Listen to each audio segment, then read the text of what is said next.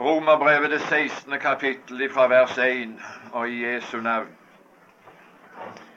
Jeg anbefaler eder Føbe, vår søster, som er menighetstjenerinne i Kenkre, at dere tar imot henne i Herren som det sømmer seg for de hellige, og går henne til hånde i alt som hun måtte trenge eders hjelp i. For hun har også gått mange til hånde, ja, meg selv. Hils Priska og Akvilas, mine medarbeidere i Kristus Jesus, de som har våget sitt eget liv for mitt, og som ikke alene jeg takker, men også alle menigheter av hedningene, og hils menigheten i deres hus. Amen. Fader i Kristus Jesus, vi ønsker igjen å samle vårt sinn og vår tanke i en takk til deg for en anledning du gir oss i vårt liv, og samles i ditt navn, samles omkring ditt dyrebare ord. Og vi vil få lov bare å be om en nådestund for Jesus skyld når vi setter oss ned for å lytte til de livssalige ord som har gått ut av din munn. La din ånd i ordet være, og signe stunden, Frelser kjære. Amen. Og vi begynte altså her i går kveld å, å stanse for denne vidunderlige sannheten at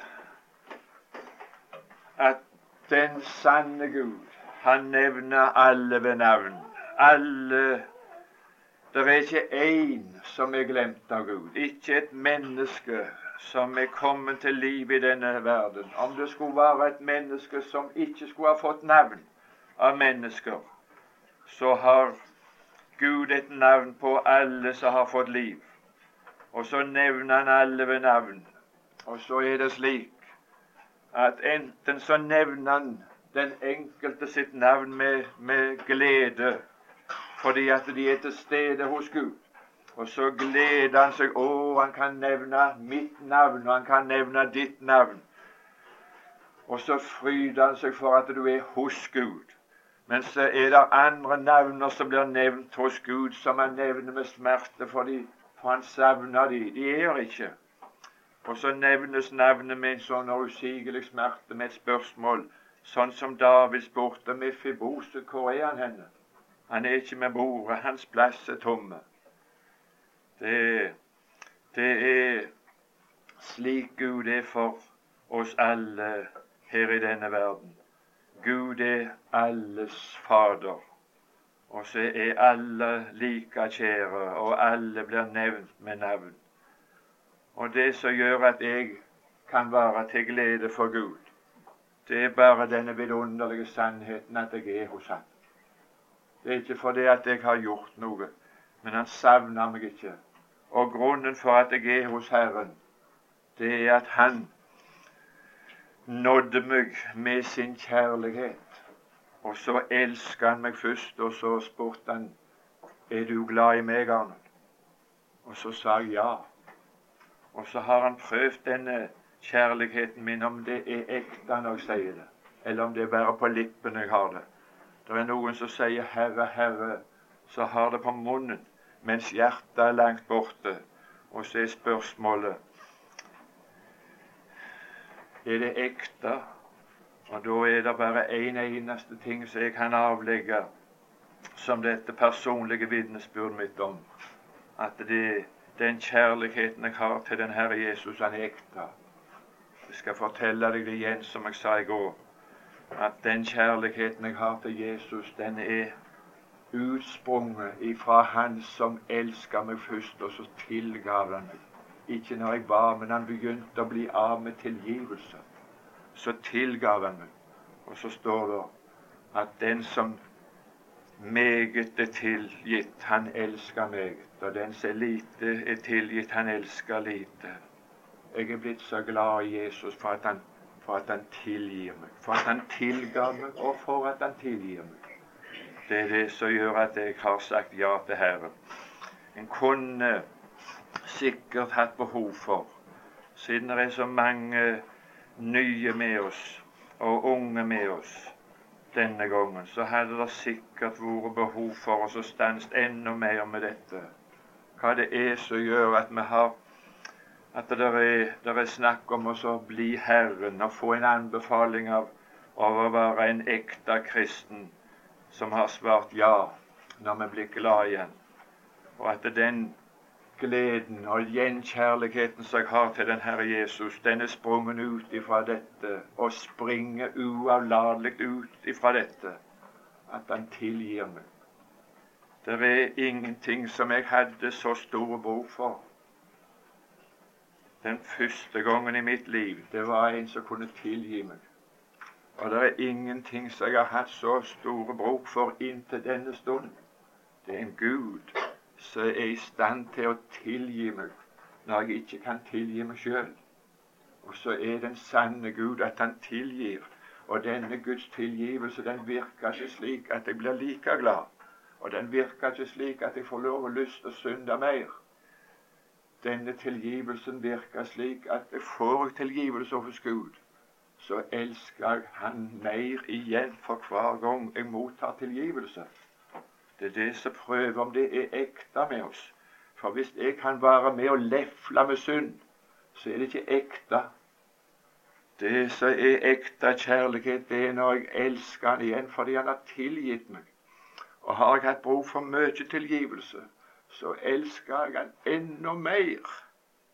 Igjen. Jeg blir ikke mindre glad igjen.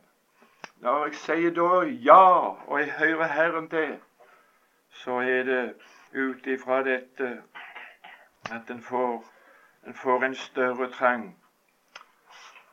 Og måtte ikke få lov å være en som kunne få lov å være til ære for ham.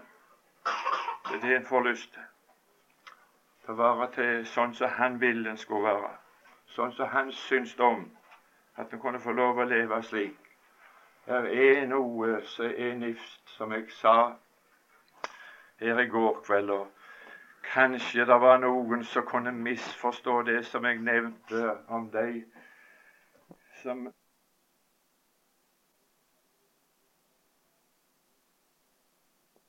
forståelse og det har vært iallfall slik at jeg mer og mer i livet står i fare for å si ting som uttrykker det motsatte av det en tenkte. Altså, Jeg var på bibelkurset på Tryggheim, og så skulle jeg i en bibeltime si noen gode ord til Hjalmar Berg-Hansen om noe som jeg hadde hørt han hadde sagt fra Salme 1. Og i stedet for at det skulle bli oppfatta slik som jeg hadde oppfatta det, at det skulle være noen gode ord, at jeg hadde fått noe godt av det, så oppfatta både han og mange andre som at jeg, at jeg kritiserte hans oppfatning av Salme 1. Slik bakvendt kan en altså uttrykke seg. Og når det gjaldt dette, som jeg sa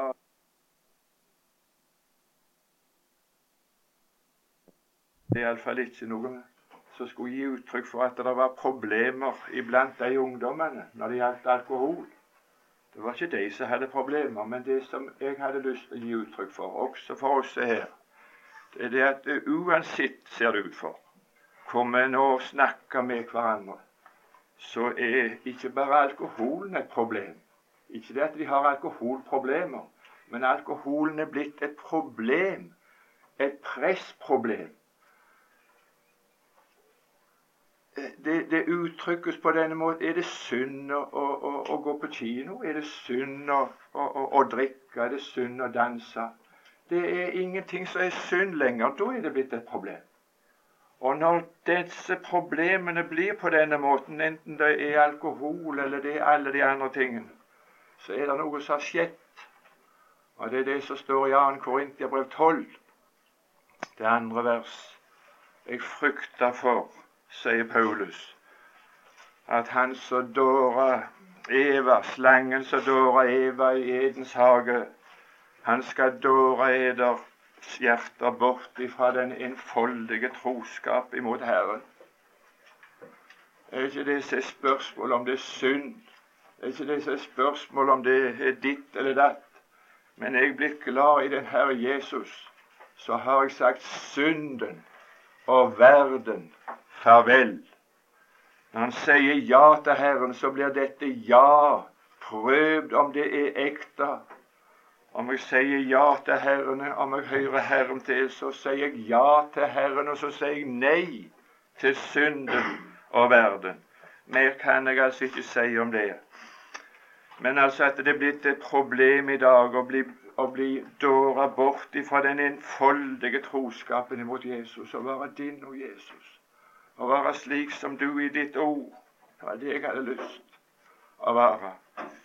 Når jeg ble frelst, og når jeg sa ja til Jesus, så fulgte det med en trang Å, om jeg kunne leve sånn som du, Jesus, ville skulle leve.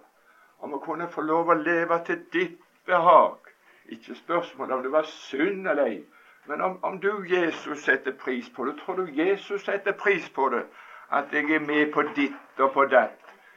Jeg kan ikke si mer om det. Vi får bare la det ligge. Men når vi er sammen, så var det for å være sammen og hjelpe hverandre, slik at vi kunne bli motiverte for å kunne forsvare oss imot dem som vil forføre oss og dåre oss bort ifra denne enfoldige troskapen imot Kristus Jesus. Det er bare det vi er interessert i. Vi er ikke interessert i å kritisere andre.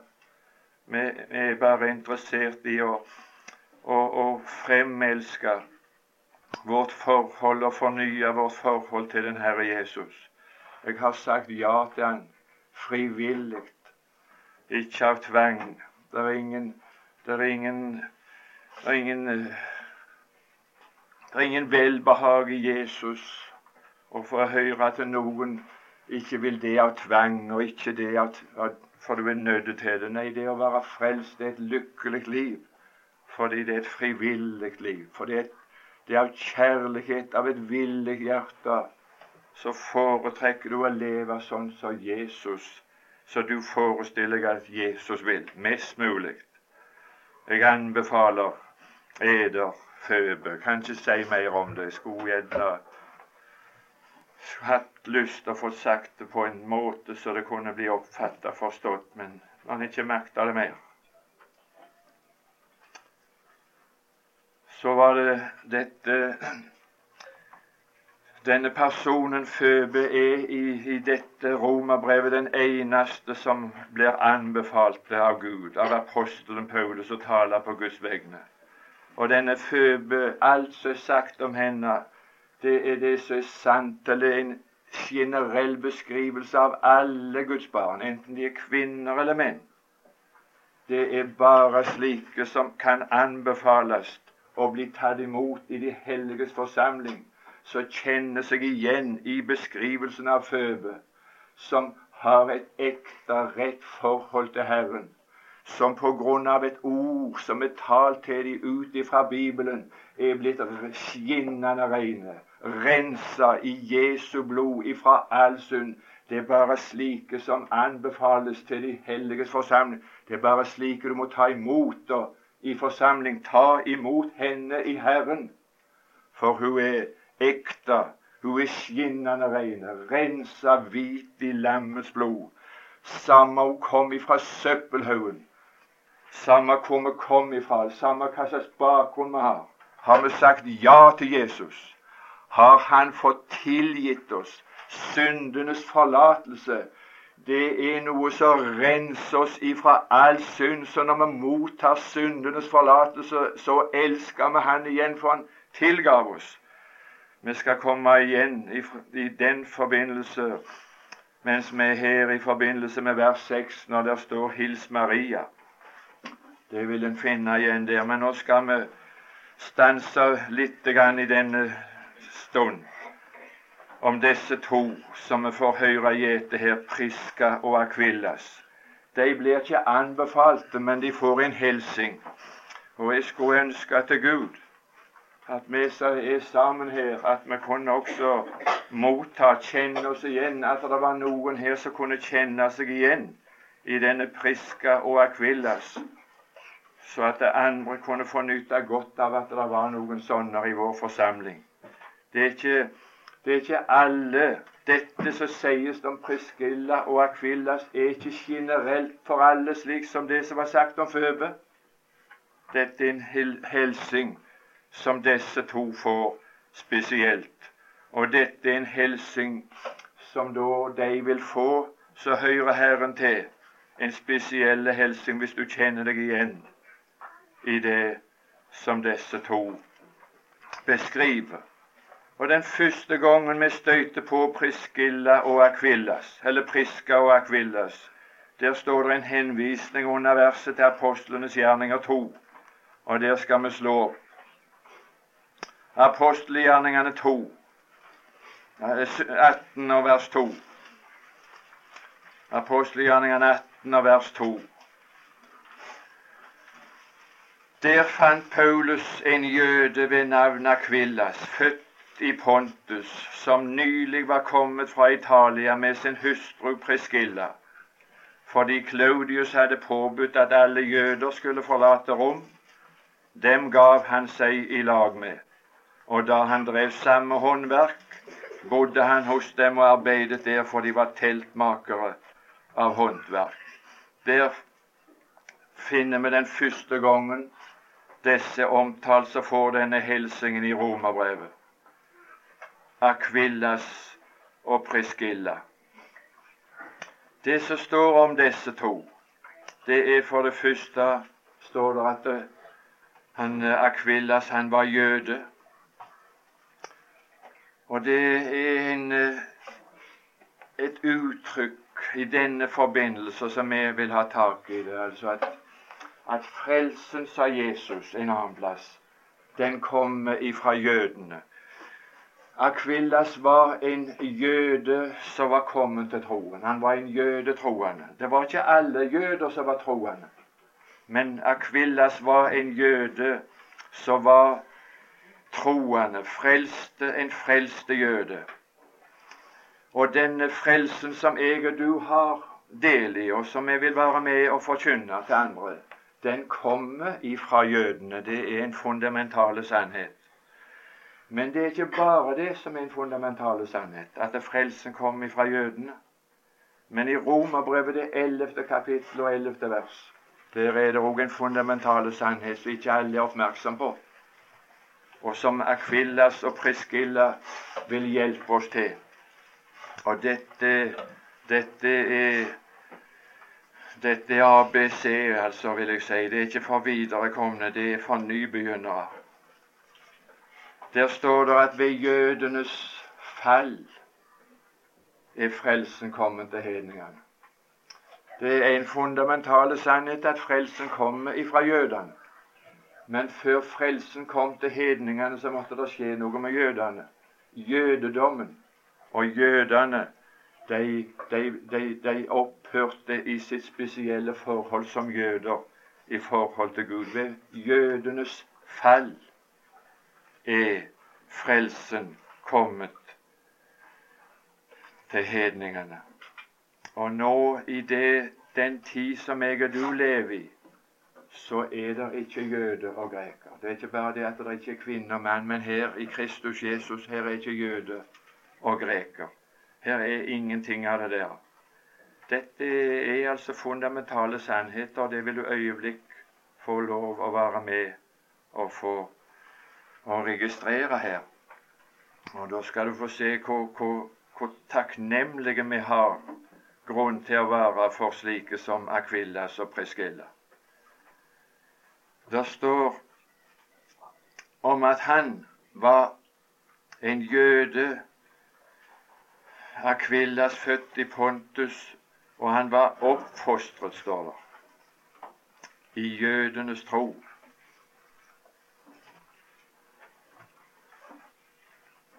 Og han var urokkelig. Det betyr navnet hans. Navnet hans betyr på hebraisk at han er oppfostra. Og på gresk betyr det han er urokkelig. Det var den måten han var kommet til troen. Han var blitt oppfostra i jødedommen fra han var en liten guttunge. Og så hadde han fått en overbevisning så han var urokkelig om at denne Gud som de hadde fått lært av sine, den, eh, det var den sanne Gud. Han var urokkelig i dette. Og på latin så betyr det at denne som var blitt oppfostra og var blitt urokkelig og hadde en fast overbevisning om at han trodde på Gud, det betyr at han var i høren. Jeg vet ikke Når vi leser i Salme 103, så står det at han, han metter vår sjel og gjør den ung igjen, like som ørnen.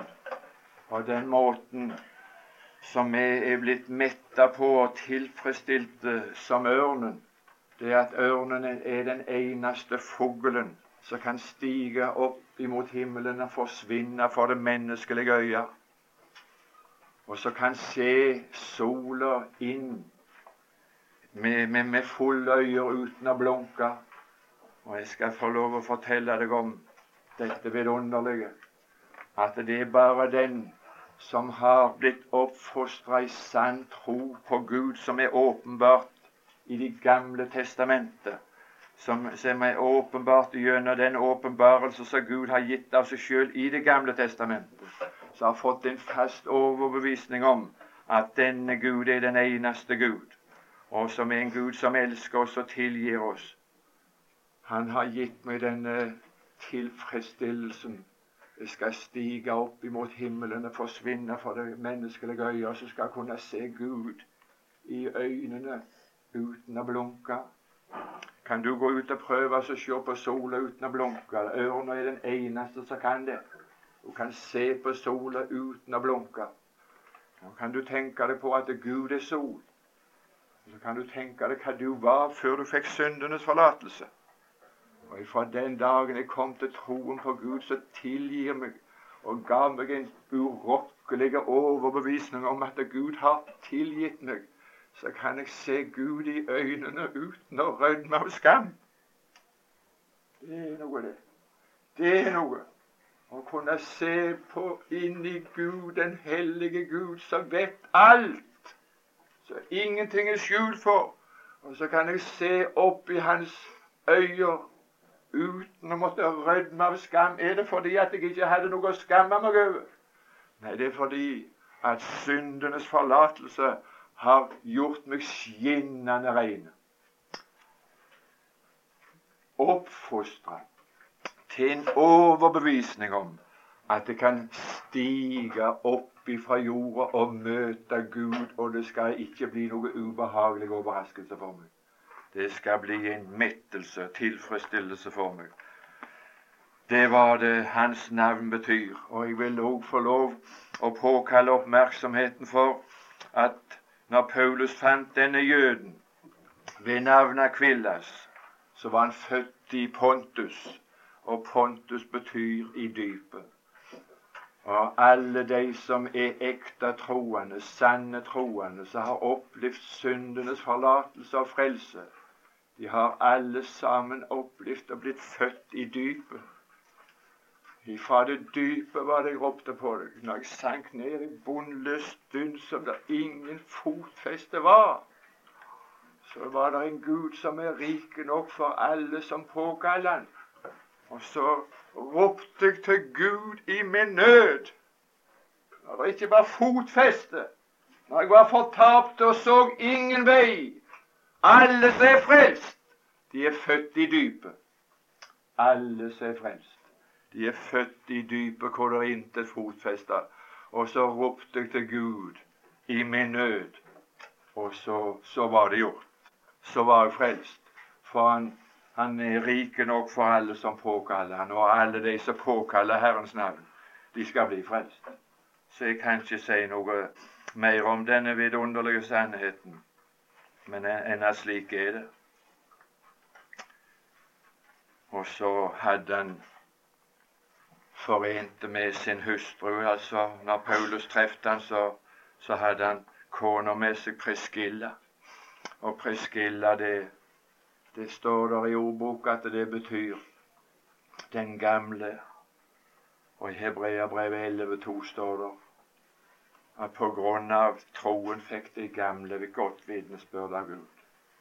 Jeg vet ikke noen annen ting som gir meg godt vitnesbyrd hos Gud, som gir meg anbefaling hos Gud, enn ved troen på Gud som elsker verden så at han gav for at den som tror på han ikke skal fortapes. Det er det jeg tror. Og på grunn av den troen så fikk de gamle godt vitnesbyrd. Det var jøder som var sanne troende, født i dypet, som fikk et godt vitnesbyrd av Gud fordi de trodde. Det var de Paulus gav seg i lag med. Dette er en fenomenale, fundamentale opplysning at Paulus gav seg i lag med jøder. For Paulus han var ikke sånn som Peter. Peter han var en apostel for jøder, men Paulus han var en apostel for hedninger. Og på denne tid, i begynnelsen, i overgangen, så var det slik at jøder, sa den kvinnen utenfor Samaria, jøder har jo ikke samkvem med samaritanere. Og Peter sa det i apostelgjerningen 10, når han eh, ble, skulle bli henta opp til Kornelius, hedningen Kornelius, så sa han i apostelgjerningen 10, 28 Dere vet hvor utillatelig det er for en jøde å gå inn til en hedning. Og her står det at hedningenes apostel gav seg i lag med disse jødetroende Priskilla og Akvillas. Før Peter, som var jødenes apostel, ble istandsatt til å kunne gå inn til en hedning og forkynne evangeliet for han, så fikk han dette synet fra himmelen når han var på taket, med denne duken med alle disse rene og ureine dyr i. Og så står det noe som jeg hadde lyst å presisere i, i apostelgjerningen 10, 34. Det er en sannhet som er veldig vanskelig å få erkjenne, men den er vidunderlig. Der sier Peter etter dette synet Jeg skjønner i sannhet.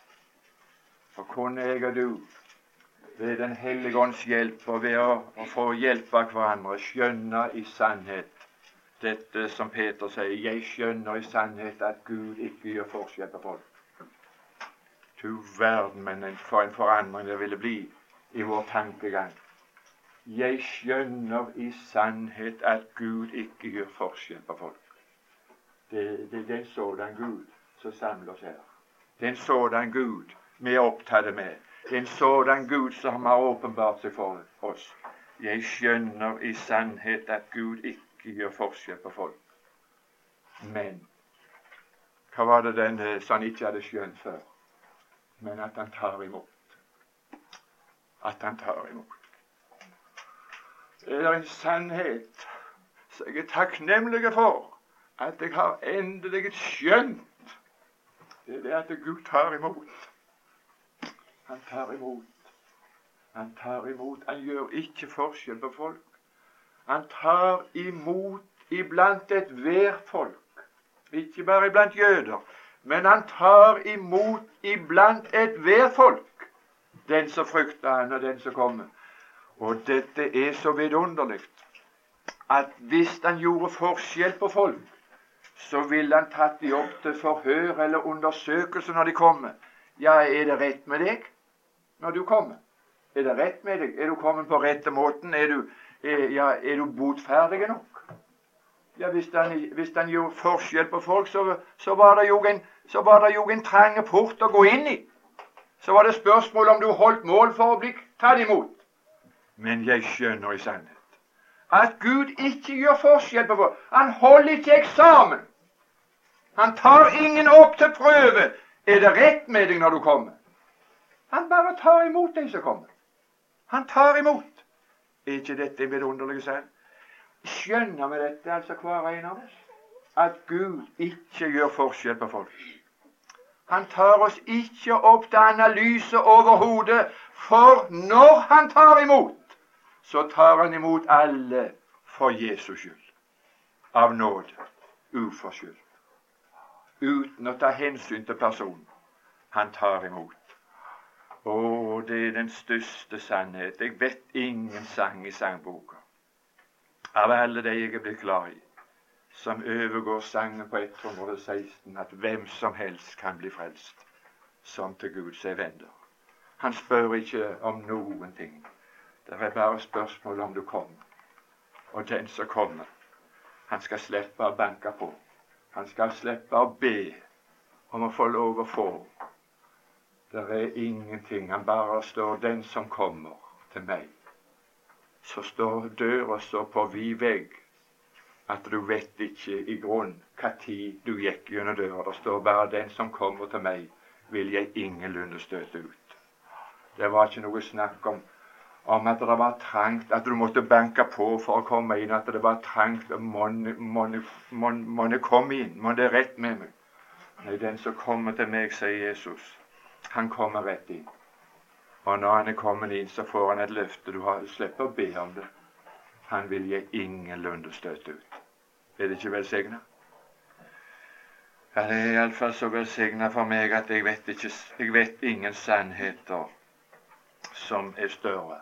Og vet du hva det da står? Oh, det, det, dette her er flott, altså. Dem ga Paulus seg i lag Disse to her. De gav han seg i lag med disse ikke som bare var jøder, for han gav seg ikke i lag med jøder. Og fariseere, skriftlærde og dør rettroenhet, men han gav seg i lag med disse to, som var frelst av nåde, født på dypet, ropt om frelse uforskyldt. De gav han seg i lag med. Og En av grunnene hvorfor han gav seg i lag med de som var åpenbare, det var at de drev samme håndverk og de Paulus gir seg i lag med, de driver alltid samme håndverk. Altså det, det er bare ett håndverk altså i, i det kristelige forsamling, altså, så, så, så, så, Bibelen altså anerkjenner og anbefaler. Det er, ikke, det er ikke hva som helst. Og de som Paulus gav seg i lag med her, de drev, samme håndverk som Paulus, og det var han var teltmaker. Og alle de som tror på den Herre Jesus skal lese det ordrett, så at det ikke blir bare påstander. Hebreerbrevet, det ellevte kapittel.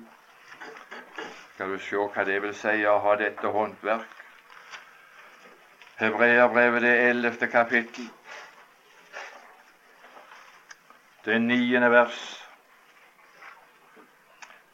Hebreerbrevet 11,9.: Ved tro oppholdt Abraham seg som utlending i det lovede land, som i et fremmed land, i det han bodde i telt. Det, ved det å bo i telt så gav han uttrykk og bekjente at det, han var en fremmede på jord. Og alle de som kommer til troen på den Herre Jesus, frelst av nåde for Jesus skyld, de har samme håndverk som Paulus, med teltmakere. Vi har en og samme bekjennelse. Vi bekjenner med fremmede og utlendinger her i denne verden.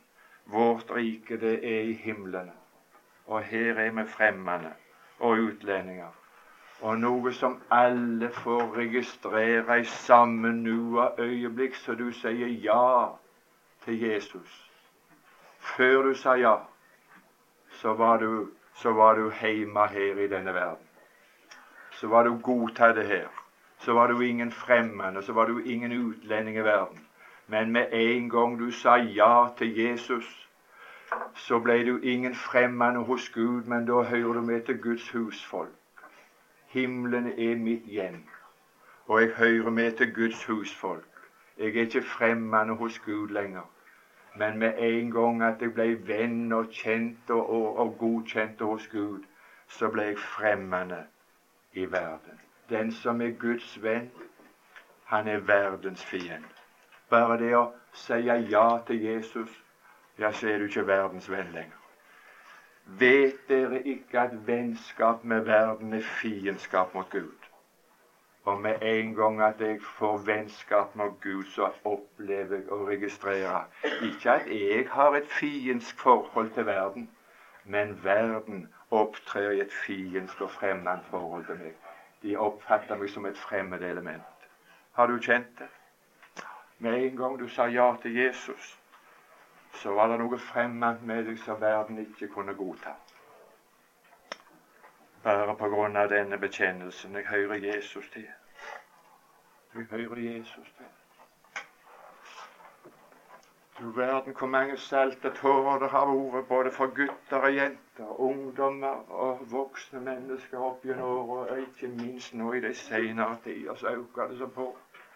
Så opplever en kristendomsforfølgelse i Norge som jeg vil våge å påstå er mer effektive og verre enn den som er høyere det finnes bak jernteppet, hvor de kan arrestere mennesker for en kristen bekjennelse her i landet har vi en, en, en forfølgelse som går på sinn, på, på, på, med ord og med, med, med, på sjelslivet, som kan knuse, som kan, kan ødelegge og vil aldeles drepe oss ned. Jeg kan ikke skildre det, men jeg får kjenner det fra det praktiske forhold. Det kan aldri bli annerledes. Men uh, disse gav Paulus seg i lag med, som bekjente at de var fremmede og utlendinger her i denne verden. Jeg har et lite eksempel på det, hvorledes det virker. Når jeg har ikke hatt store opplevelser av å være utlending. Jeg har vært en gang i Sverige og hadde møter der borte i 14 dagers tid. Da var jeg en utlending, men det var jo i et, et land som ikke var så forferdelig fjernt fra Norge. Men et av problemene var altså det var problemer med å forstå hverandre.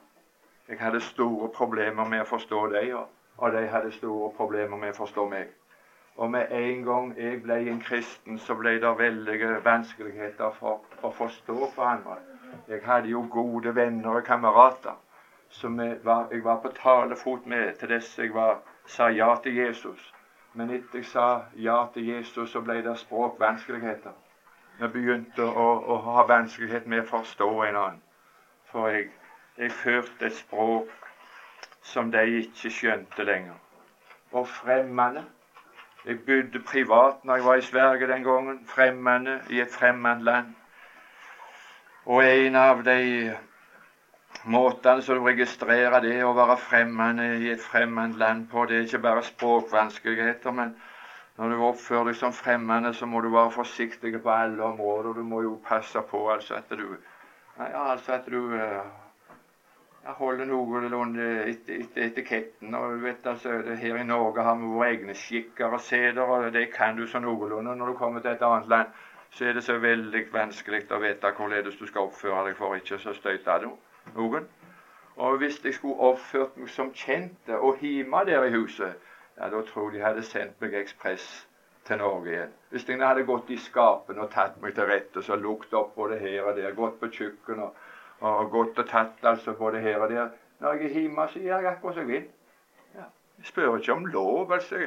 Har jeg lyst på noe? Går og leter i eldeskapene, forresten.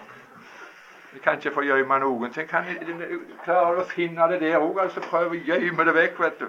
Jeg går alle verdens veier og spør ikke om lov. Der er jeg hjemme men herlige land. Det er bare således som fremmede og utlendinger i den karakter at Peter sier jeg formaner dere som fremmede og utlending at dere avholder dere fra de kjødelige lyster. Så hvis jeg ikke er meg oppmerksom på at jeg er fremmed her, ja, så er det ikke snakk om å avholde seg. Hvis jeg ikke er fremmed, så kan ikke jeg gå i skapene liksom vel som de andre i huset går i skapene. Når, når de verslige kan, så kan vel jeg òg. Nei, jeg kan ikke lenger, jeg, for jeg jeg er blitt en fremmed og en utlending. De ga Paulus seg i lag med. Og så sto det at han kalte de for sine medarbeidere. Bli mine etterfølgere, sa Paulus. Således som jeg etterfølger Jesus.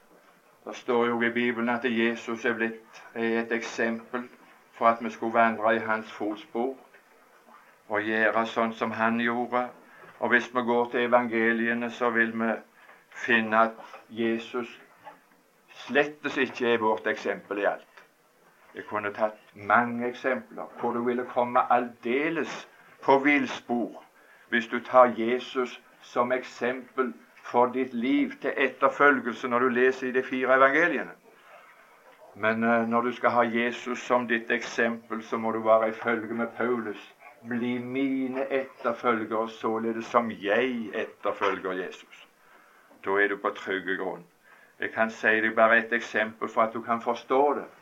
At Jesus sa jeg er ikke kommet til noen annen enn de fortapte får av Israels hus. Gå ikke til hedningene, sa han. Altså, det, det, det, det, er ikke et eksempel for oss. Men Paulus han har lært oss hvorledes jeg og du skal etterfølge Jesus. Nå vil jeg de siste minuttene som nå er igjen, prøve på å påkalle oppmerksomheten hvorfor alle menigheter av hedninger takker Priskilla og Akvillas. Når du leser der i apostlenes gjerninger i slutten av kapittel 18, så står det i det 26. vers Apostelgjerninga 18, 26.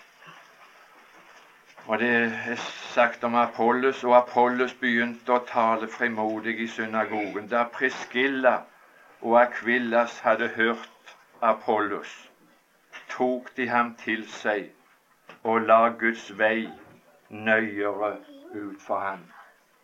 Kan du se denne vidunderlige betydningen og verdien det har at vi i menigheten har noen som svarer til Priska og Akvillas, som er i stand til å legge Guds vei nøyere ut for oss.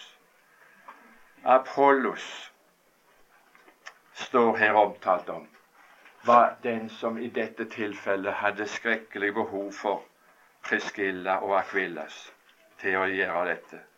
Og Apollos, vet du hva det betyr?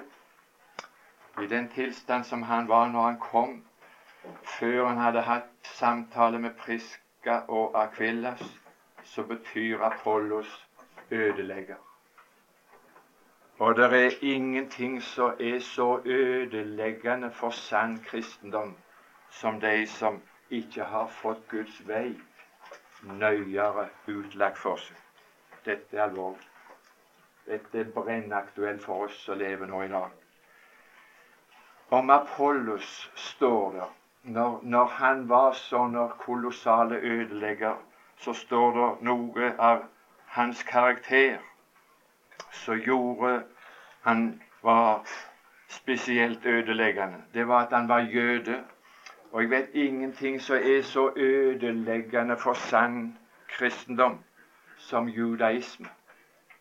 Gjerningsvesen uten tro på den Herre Jesus og forløsningen. Judaisme. Han var jøde. Skal lese bare fort om han, det som her står. Han var en jøde ved navn Apollos. Han var en veltalende mann. Jeg vet ingenting som er så ødeleggende for sann kristendom som veltalenhet når de ikke har når de ikke har Kristus som fundament for sitt liv og for sin forkynnelse. Veltalenhet, det er altså så ødeleggende. Jeg kan lese noe så til deg. Prøver.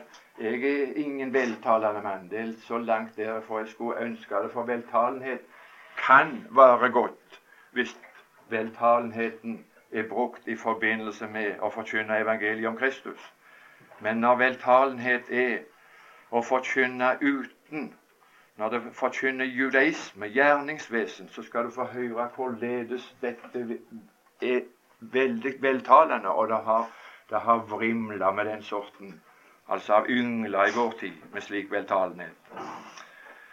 Det står f.eks. Om, om den rike yngling som kommer til Jesus og spør hva skal jeg gjøre for å erve evig liv. Og så får han svar på et sånt spørsmål.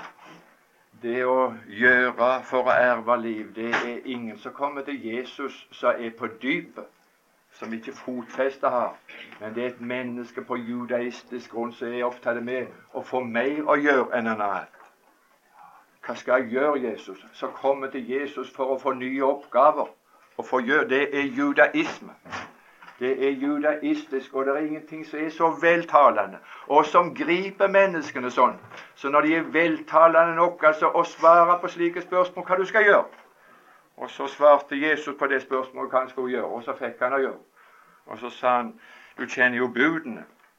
Og budene er det du skal elske det neste som deg sjøl. Og så sa Jesus Ja, så sa han jo dette denne riking, alt dette har jeg holdt ifra min ungdom av, men hva er det fattest ennå når jeg har holdt det? Han visste ikke sjøl hva han fatta. Så sa Jesus til han, du som påstår du har holdt budene fra din ungdom av, og så er du sykt I budene står det du skal elske din neste som deg sjøl. Så gå bort og så selg alt det du har, og gi det til de fattige. Da har du holdt det budet og elska det neste som deg sjøl. Så skal du få en skatt i himmelen. Kom så og følg meg det er en veltalenhet som brukes i forbindelse med det, som er så fenomenale at det fører mange på villspor. Å, men det er å stå på judaistisk grunn. Er det noen av oss som har erva evig liv på grunn av noe vi har kvitt oss med, og med noe vi har solgt, og noe vi har gjort, og med noen bud som vi har holdt? Er det? Når jeg står her i dag, så er jeg frelst utelukkende ved at jeg fikk et nådetilbud ifra Gud når jeg var på dypet og intet fotfeste hadde. Jeg kunne ikke ta et skritt når jeg ingenting kunne gjøre og ingenting kunne love. Jeg var fortapt og så ingen vei. Hva kunne jeg da gjøre? Å, da frelste blodet. Men dette, dette her forkynte ikke Apollos. Han var så veltalende og forkynte judaistisk. Du må gjøre gjerningsvesen. Å, men det er livsfarlig. Det er, er ødeleggende for troen på Kristus å forkynne med veltalenhet om, om gjerningsvesen. Og det var ikke bare at han at han var veltalende, men han var sterk i Skriftene. Og jeg vet ingenting som er så farlig og så ødeleggende for tro på Kristus Jesus som, som mennesker som er sterke i Skriftene og beviser det de sier, judaistisk. Der står skrevet, sier de. Der står skrevet. Ja visst står det skrevet. Der står skrevet at uten at du oppgir alt det du eier, så kan du ikke bli min disippel. Ja, det står skrevet, det. Er det noen som kan bli frelste på det grunnlaget? Er det? Han var sterk i Skriftene. Jo, i sannheten er de sterke i Skriften, men de skriftlærde de var ødeleggende for Kristus. Det var de som drepte Kristus. Det var de skriftlærde. Det var de som kunne Skriftene på rams, men som ikke hadde lys over forsoningen. Og så var han opplært i Herrens vei, denne Apollos. Og når han var opplært i Herrens vei, så vil du lese i det 22. kapittel av Apostelens gjerninger, og det tredje vers, om Paulus hadde hatt samme opplæring og han hadde samme læremester. Og dette er ødeleggende, for Paulus, når han het Saulus, var like ødeleggende som Apollos var for Kristus. Han forfulgte Kristus til døden, og de troende. Så står det 'Jeg var opplært ved Gamaliels føtter. Og det er ingenting som er så ødeleggende for sann kristendom som det å være opplært ved Gamaliels føtter. Apostelgjerningene 5. Det må vi lese. Apostelgjerningene 5.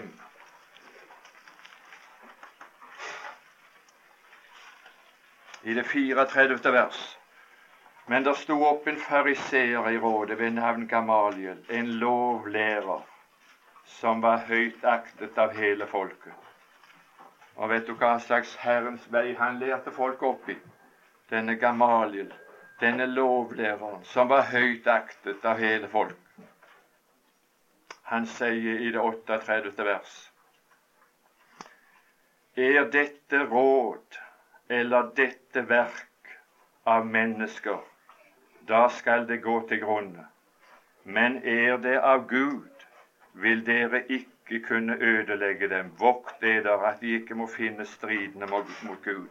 Slik var det Gamaliel lærte Apollos og Saulus ifra Tersus opp i Herrens vei. at hvis det er noe som er av mennesker, så går det til grunnes av seg sjøl. Men hvis det er av Gud, så er det ingen som kan ødelegge det. Og så har du det som et eksempel, at det som er av mennesker, det går til grunnes. Og det som er av Gud, det, det er det ingen som kan ødelegge. Og så er det stikk motsatt. Så er det stikk motsatt i realiteten. For er det et kjennetegn på det som er sant, og det som er godt, så er det at det går til grunnes hvis det ikke blir tatt vare på. Det som ikke går til grunne, men så, så, så, så holder seg av seg sjøl, det er ugras. Ingen trenger ta vare på ugras. Ugras går ikke til grunnes. Å, men å være opplærte, ikke av Gamaliel i Herrens vei, men å være opplært av Den hellige ånd i Herrens vei, så har Den hellige ånd sagt at ugraset, denne verden, er under forbannelse. Torner og tisler skal den bære.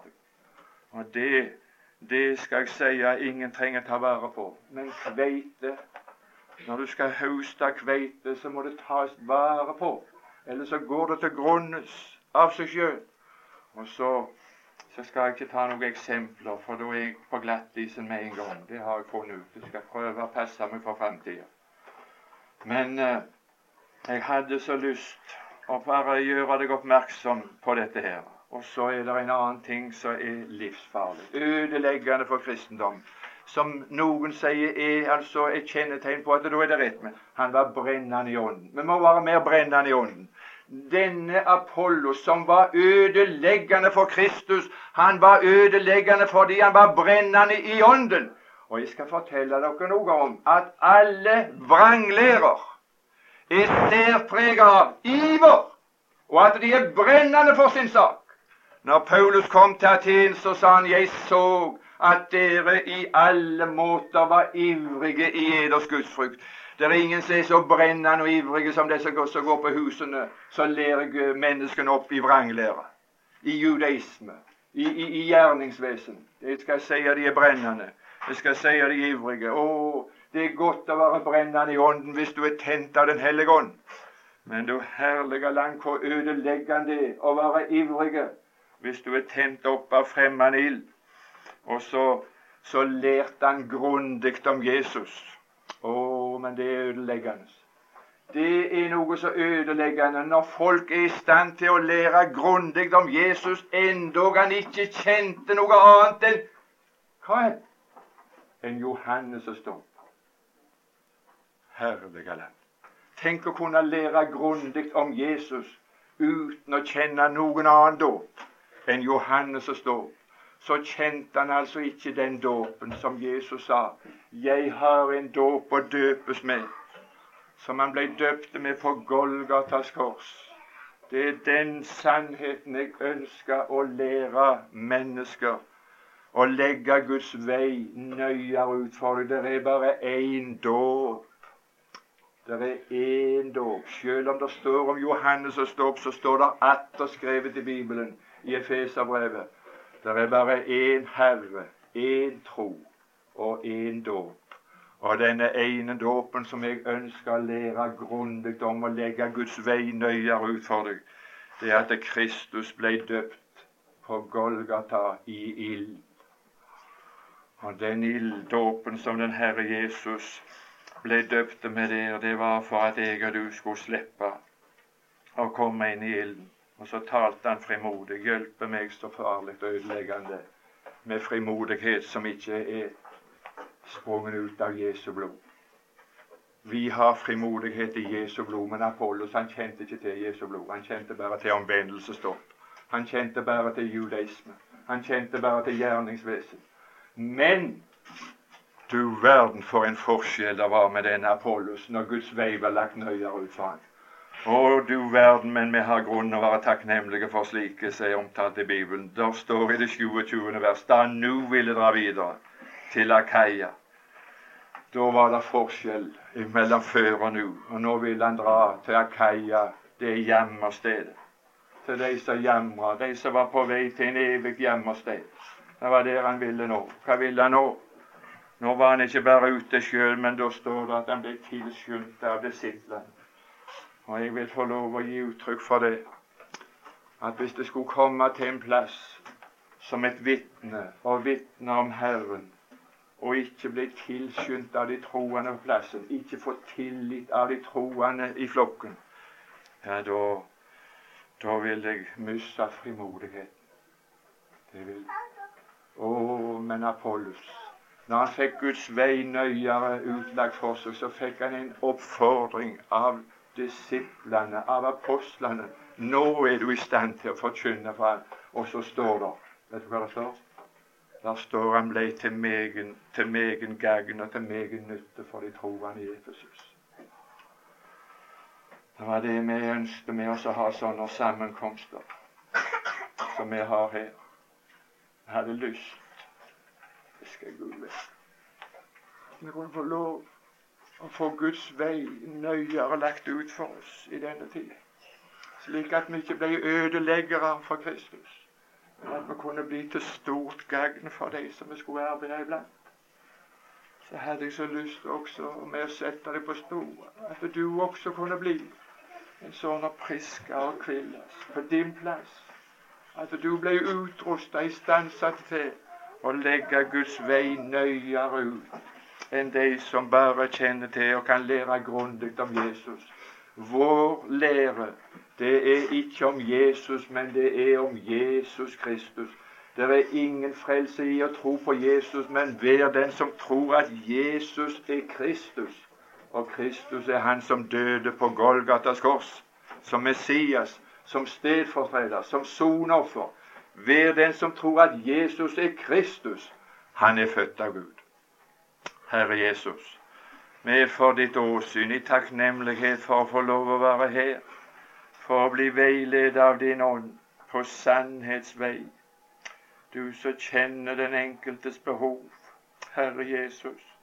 La oss få lov å oppleve denne dagen og disse stundene vi får lov å være sammen, at vi får oppleve å hjelpe hverandre, være til hjelp og oppmuntringer og til trøst for hverandre i en ellers vanskelig og vonde verden og vonde tid som vi lever i. Herre, vil du velsigne på den måte som alene du kan. Vi ber i ditt dyrebare navn. Amen.